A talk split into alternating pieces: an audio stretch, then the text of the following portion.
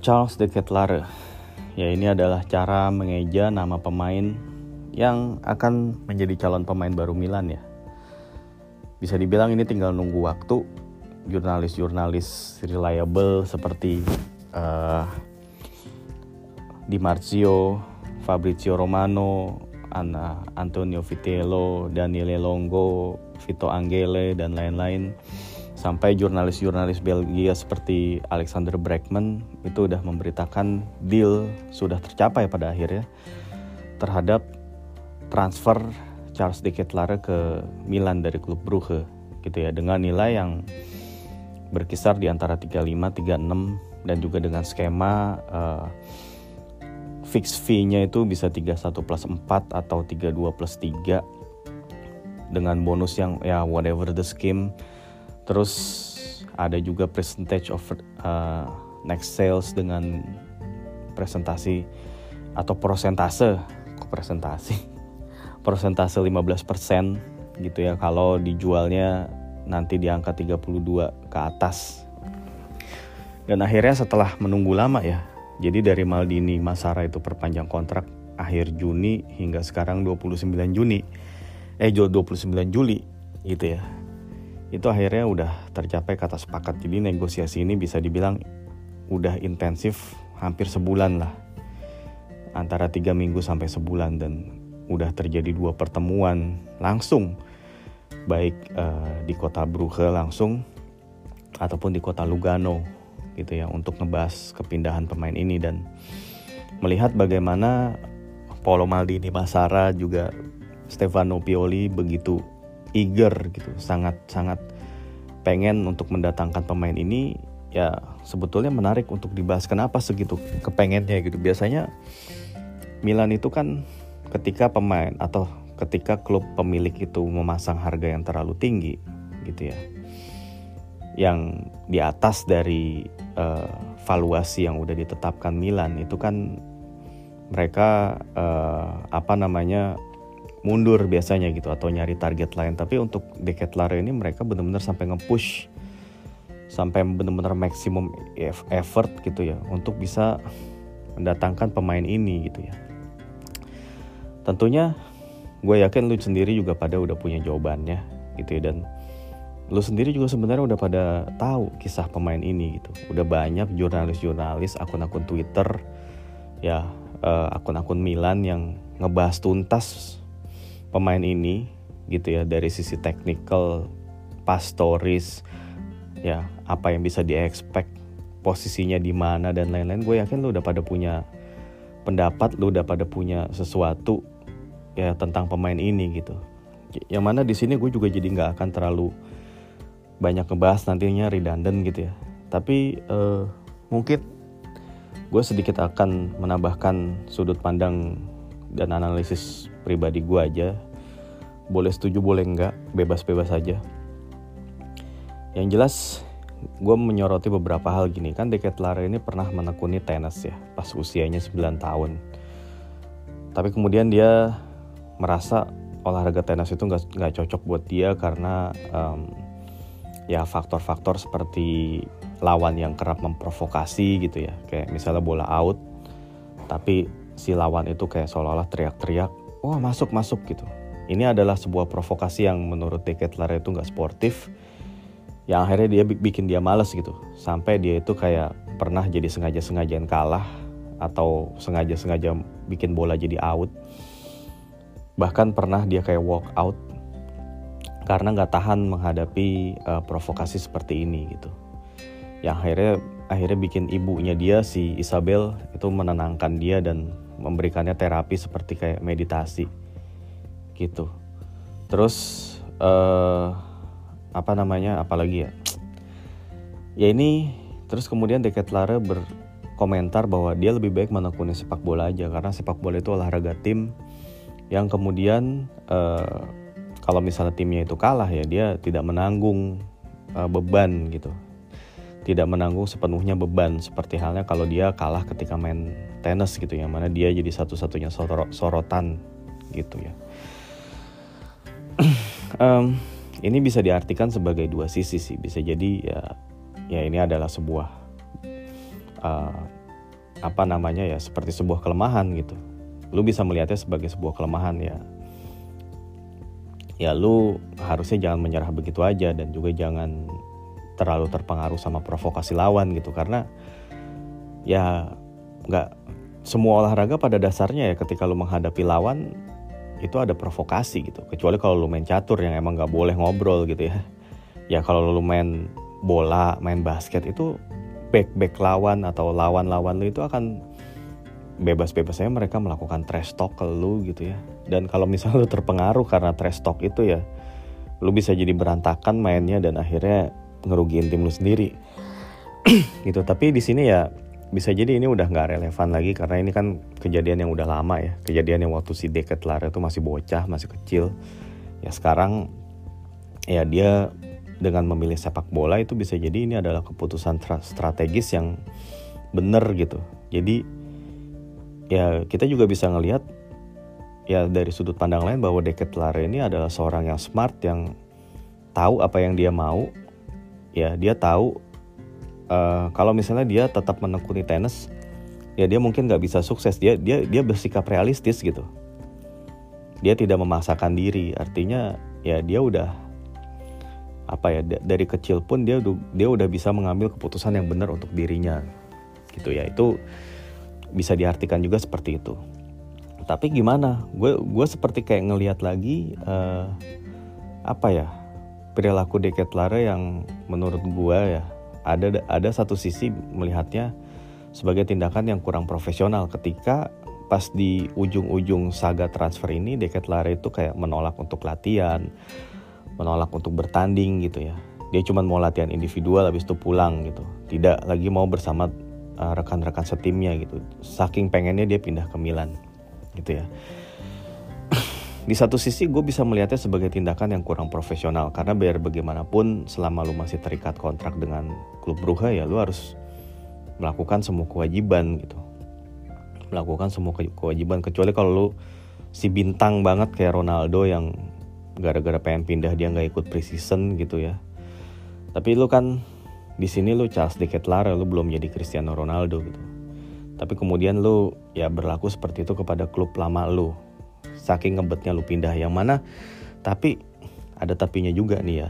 Sebelum lu uh, komplain atau sebelum lu protes ada tapinya juga. Lu juga bisa melihat ini sebagai salah satu bentuk passionnya dia keinginan dia yang sangat keras untuk bergabung dengan Milan gitu. Dan buat Milan sendiri ketika ada pemain yang punya kemampuan hebat dan punya desire yang sangat besar untuk bergabung di Milan ini bisa jadi hal yang positif buat Milan. Kita lihat Sandro Tonali begitu pengennya dia main di Milan, dia sampai rela gajinya itu diturunin. Ya Deket Lara juga gitu, katanya dia semula akan mendapatkan dua setengah juta dari Milan, tapi uh, dia rela gajinya itu dipotong jadi 2,2 atau 2,3 dan dia juga rela tidak menerima sisa bonus dari klub Brugge demi dia pengen pindah ke Milan gitu ya lagi-lagi lu selalu ada dua sisi. Lu bisa melihatnya sebagai ya ini lu nggak profesional ke klub Brugge lu kayak apa namanya kayak burn the bridge terhadap klub klub yang udah ngebesarin lu dari mulai lu uh, kecil sampai sekarang gitu. Lu kayak kayak apa ya mungkin buat supporter dari klub Brugge perilaku seperti ini tidak apa ya unacceptable gitu. Tapi ya selalu ada dua sisi ya mungkin Deket Lare juga sebel karena kok petinggi atau manajemen dari, dari klub Brugge itu alot banget gitu. Kayak menghalang-halangi kepindahan dia. Kayak mereka itu kayak seperti ingin uh, menerima tawaran dari Leeds United aja yang kabarnya menawarkan uang lebih banyak gitu. Padahal Deket Larenya pengen pindah ke Milan. Jadi dia kayak ya bisa jadi ini adalah kayak bentuk protes si pemain. Supaya klub Brugge itu cepat terima tawaran dari Milan. Yang mana ya kalau dari sisi sudut pandang di Decathlon sebagai personal, sebagai atlet, ya bisa jadi ini adalah yang terbaik emang yang bisa dilakukan gitu supaya ya klubnya itu tidak terlalu menghalang-halangi gitu. Gue juga kalau dari jadi di Ketlare juga sebel pasti sama manajemen Brugge lu kok kayak ngalang-ngalangin gue gitu. Ya walaupun perilaku seperti kayak uh, menolak latihan itu juga tidak menurut gue juga tidak bisa dibenarkan juga gitu ya lagi-lagi selalu ada dua sisi ya ter tergantung lu mau melihat dari sisi mananya gitu. Tapi di sini gue juga ngelihat bahwa ya gimana ya uh, Deket Lara melakukan ini seperti kayak pokoknya dia itu seperti selalu ingin mendapatkan keinginannya gitu. Yang mana kalau sikap seperti ini tuh dipelihara terus ya karena dan apalagi lu belum menjadi pemain bintang baru calon bintang ya gue takutnya ini nggak baik aja buat perkembangannya tapi semoga gue salah gitu. Dan gue juga khawatir kalau misalnya suatu saat ini backfire ke Milan gitu. Kayak misalnya nih uh, misalnya kayak empat atau lima tahun lagi gitu ya. Empat tahun lagi lah gitu atau tiga tahun lagi gitu. Misalnya Deket Lara jadi bintang di Milan gitu. Mainnya bagus dan benar-benar menonjol dan makin meningkat performanya. Terus ada datang tawaran dari klub seperti Real Madrid kah? Atau apa ya contohnya Barcelona, Bayern Munchen gitu ya atau Liverpool gitu ya. Yang mana ini adalah tawaran yang sulit ditolak juga gitu. Dan bisa jadi klub apa sih Deket Lare akan melakukan ini kepada Milan juga. Dia pengen pindah dia jadi nggak mau ikut latihan dan lain-lain ya. Well, we'll never know sih. Tapi ya semoga aja enggak gitu. Ya gitu deh terus um, di sini juga gue pengen menyoroti uh, sedikit personal life di mana dari si Deket Lara di mana dia itu masih tinggal sama ibunya ya. Ya dia masih usianya 21 tahun gitu ya. Ibunya ini bener-bener masih uh, look after dia gitu ya. Dan ibunya selalu ngedukung. Ya dia single mother ya. Dia dia pisah sama suaminya itu sejak Deket Lara masih kecil kalau nggak salah terus akhirnya dia jadi yang struggling gitu ngurusin anaknya dan terus ya beredar kabar kan beberapa hari lalu kayak si Isabel ini ibunya Deket Lara ini udah mencari kayak rumah atau atau tempat tinggal untuk uh, di Milan gitu nantinya. Jadi ibunya akan ikut pindah gitu karena emang dia masih 21 tahun juga gitu. Terus uh, ibunya ini ya ada yang menarik. Ibunya ini apa namanya uh, ibunya Deket Lara ini sebetulnya adalah seorang yang um, ya bukan cuma ngedukung tapi juga benar-benar memperhatikan gitu. Memperhatikan permainan. Jadi suka nonton suka nonton pertandingan dan uh, dalam beberapa pertandingan-pertandingan penting gitu ya. Big match ataupun uh, Liga Champions gitu ya. Ibunya tuh sering kayak nanya e, lu nervous apa enggak Charles? gitu kan. Si Charlesnya bilang enggak gitu ya. Padahal ibunya yang nervous banget dan akhirnya kalau dalam beberapa match yang seperti itu yang tensionnya berat ibunya itu sampai uh, nonton sendirian milih nonton sendirian nggak nggak bareng-bareng sama ibu-ibu pemain lainnya gitu. Kayak dia pengen nonton sendirian menenangkan diri tapi sekaligus juga ingin benar-benar mengamati mengamati uh, dari menit ke menit gitu ya dengan angle yang lebih bikin dia nyaman gitu untuk melihat secara penuh gitu ya pertandingan yang dijalani oleh Deket Lare gitu. Jadi dan setelah pertandingan gitu ya mereka tuh berdua biasa tuh nonton nonton ulang matchnya. Jadi si Deket Lare ini rupanya juga seorang yang cukup perfeksionis cukup ambisi gitu ya dari kebiasaan dia menonton ulang pertandingannya dia gitu yang mana dia bisa mempelajari tuh kelemahan-kelemahan dia apa yang bisa diimprove gitu movement yang seharusnya gimana gitu. Kalau ibunya sih mungkin ibunya nggak terlalu ngerti teknis bola banget dia cuman kayak passionate nonton anaknya gitu ya.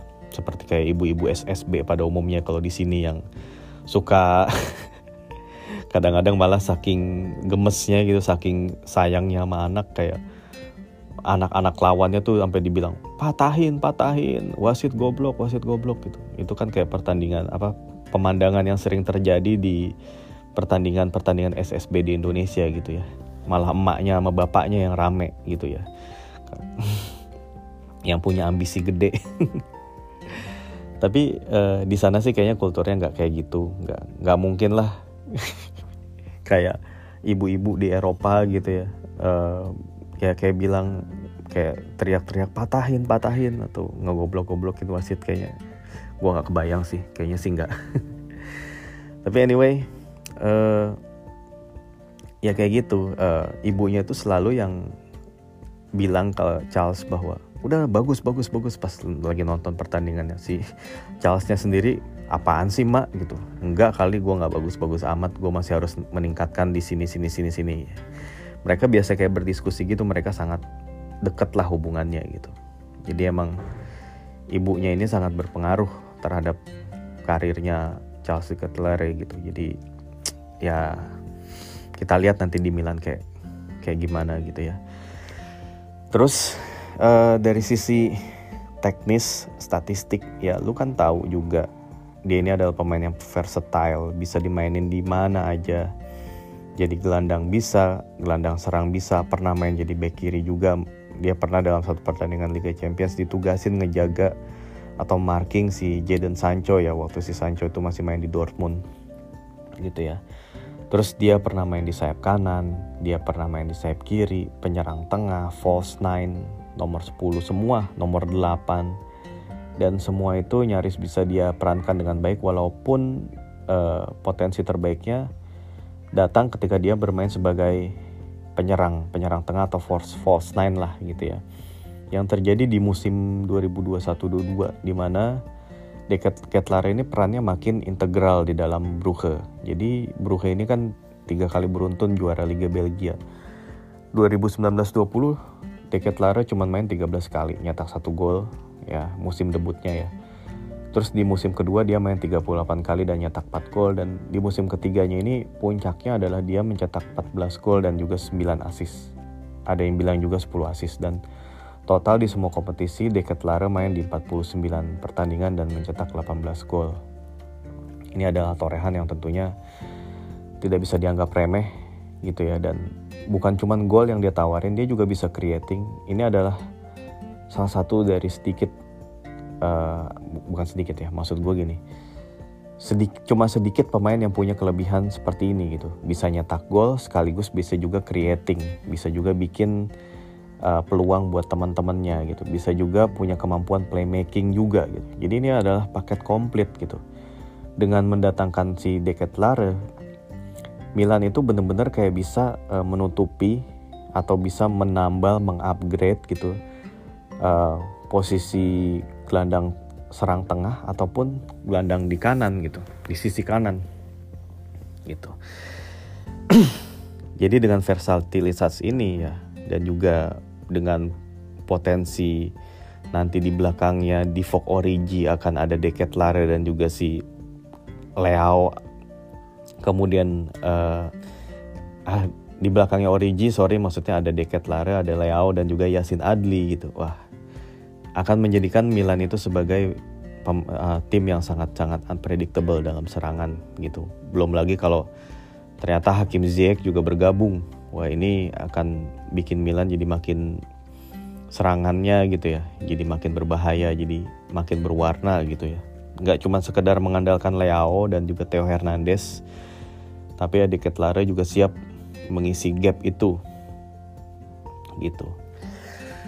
Uh, kemudian dari sisi potensi dia di Milan juga gitu ya Deket Lara ini um, bisa jadi akan membuat gaya permainan Milan agak berbeda jadi kalau musim lalu kan um, pemain kuncinya Milan itu di belakang ya Mike Menyong dan Tomori, Theo, terus kemudian si uh, Tonali Kessie, ya dan juga kemudian Leao dan juga Olivier Giroud gitu. Nah, nggak ada Kessie di sini bisa jadi akan membuat permainan Milan tuh agak berubah. Tergantung siapa sih yang akan di, nantinya didatengin abis ini gitu ya, gelandang tengahnya. Katanya kan Milan udah dihubung-hubungkan baik sama si Chukwuemeka ataupun si uh, Renato Sanchez gitu ya ya kalau bisa Milan bisa ngedapetin salah, salah satu dari pemain ini ya mungkin uh, apa ya uh, permainan Milan bisa jadi akan tetap sama gitu karena dua pemain ini punya karakter yang mirip dengan Kessie walaupun tidak sama gitu.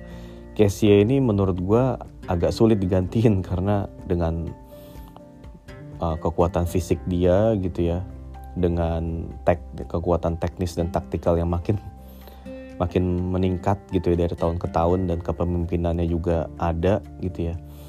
Casey ini jelas akan sulit digantiin jadi mungkin akan Pioli akan sedikit mengubah aja skema gitu ya.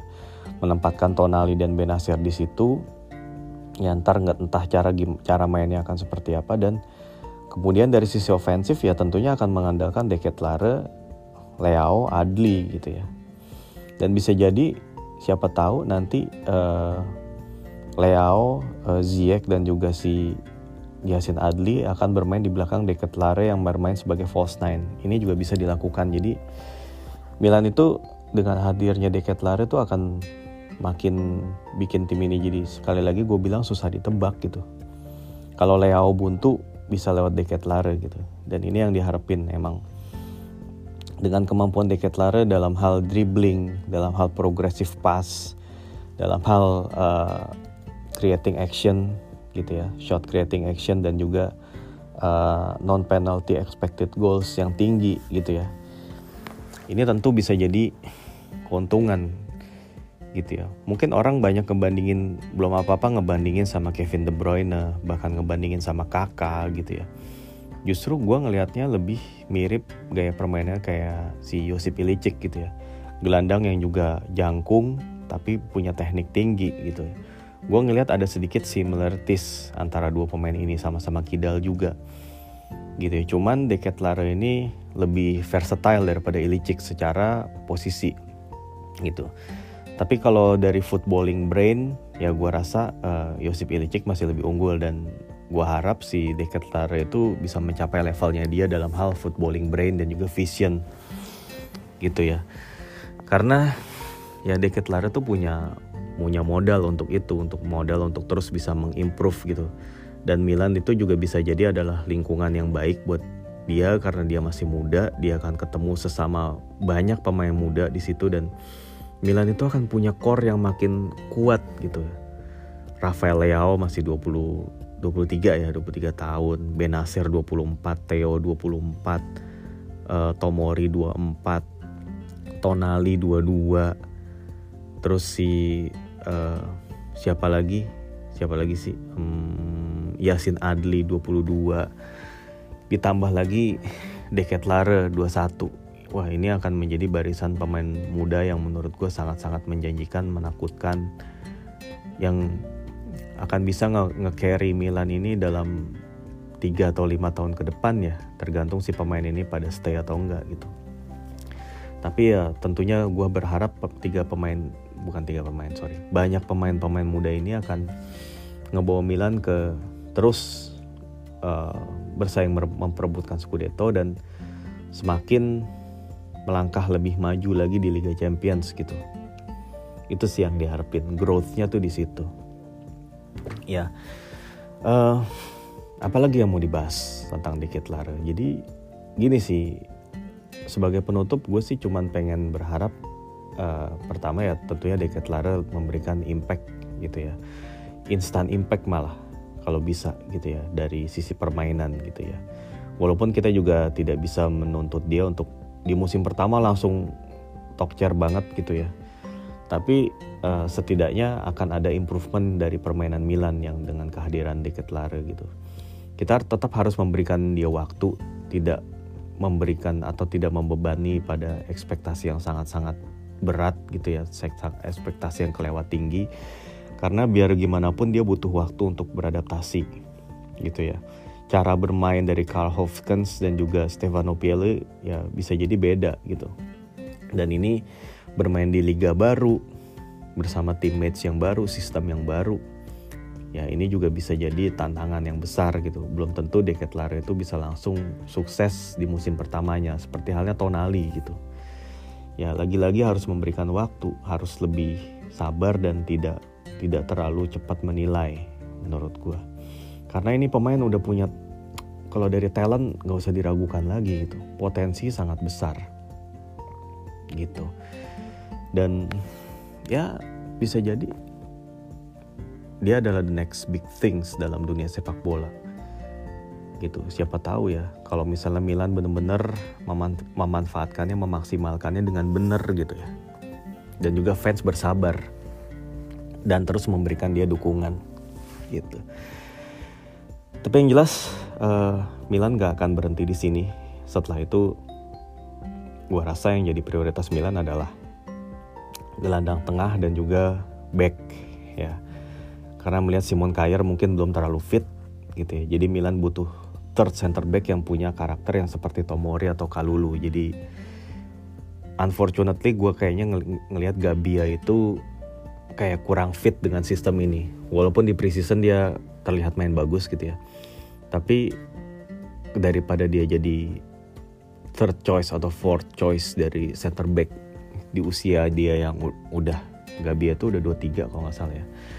Ya sebaiknya dia ya cari pengalaman di klub Serie A lain yang mana dia bisa tampil reguler dan permainannya improve gitu. Dan kalau Gabia cabut ya berarti Milan benar-benar butuh center back yang seperti yang diinginkan Pioli ya. Seperti nama-nama seperti Tanganga dan juga si Evan Dika. Gue sih lebih berharap Evan Dika sih. Lebih oke okay kayaknya. Dan posturnya juga lebih bagus gitu. 192 cm tingginya. Gitu ya sama satu lagi gelandang sih bisa si Cukwe Meka ataupun Renato Sanchez tapi kayaknya Renato Sanchez agak-agak kurang memungkinkan gitu ya. Ya mungkin Meka yang bisa bergabung. Ya Meka tuh ya sekilas dari yang gue lihat permainannya ya. Seperti gue bilang di episode sebelumnya dia itu punya kaki yang panjang punya teknik mengolah bola yang bagus tapi dengan kecenderungan selalu menggunakan kaki kanan. Jadi dia kayak agak-agak menghindari pakai kaki kiri yang mana harusnya ya dia harus improve itu. Dia harus bisa main uh, dengan dua kaki sama baiknya. Kalau seorang pemain modern ya seperti itu harusnya. Ya paling itu aja sih. Ya tapi anyway dia masih 18 tahun juga. Masih panjang perjalanannya.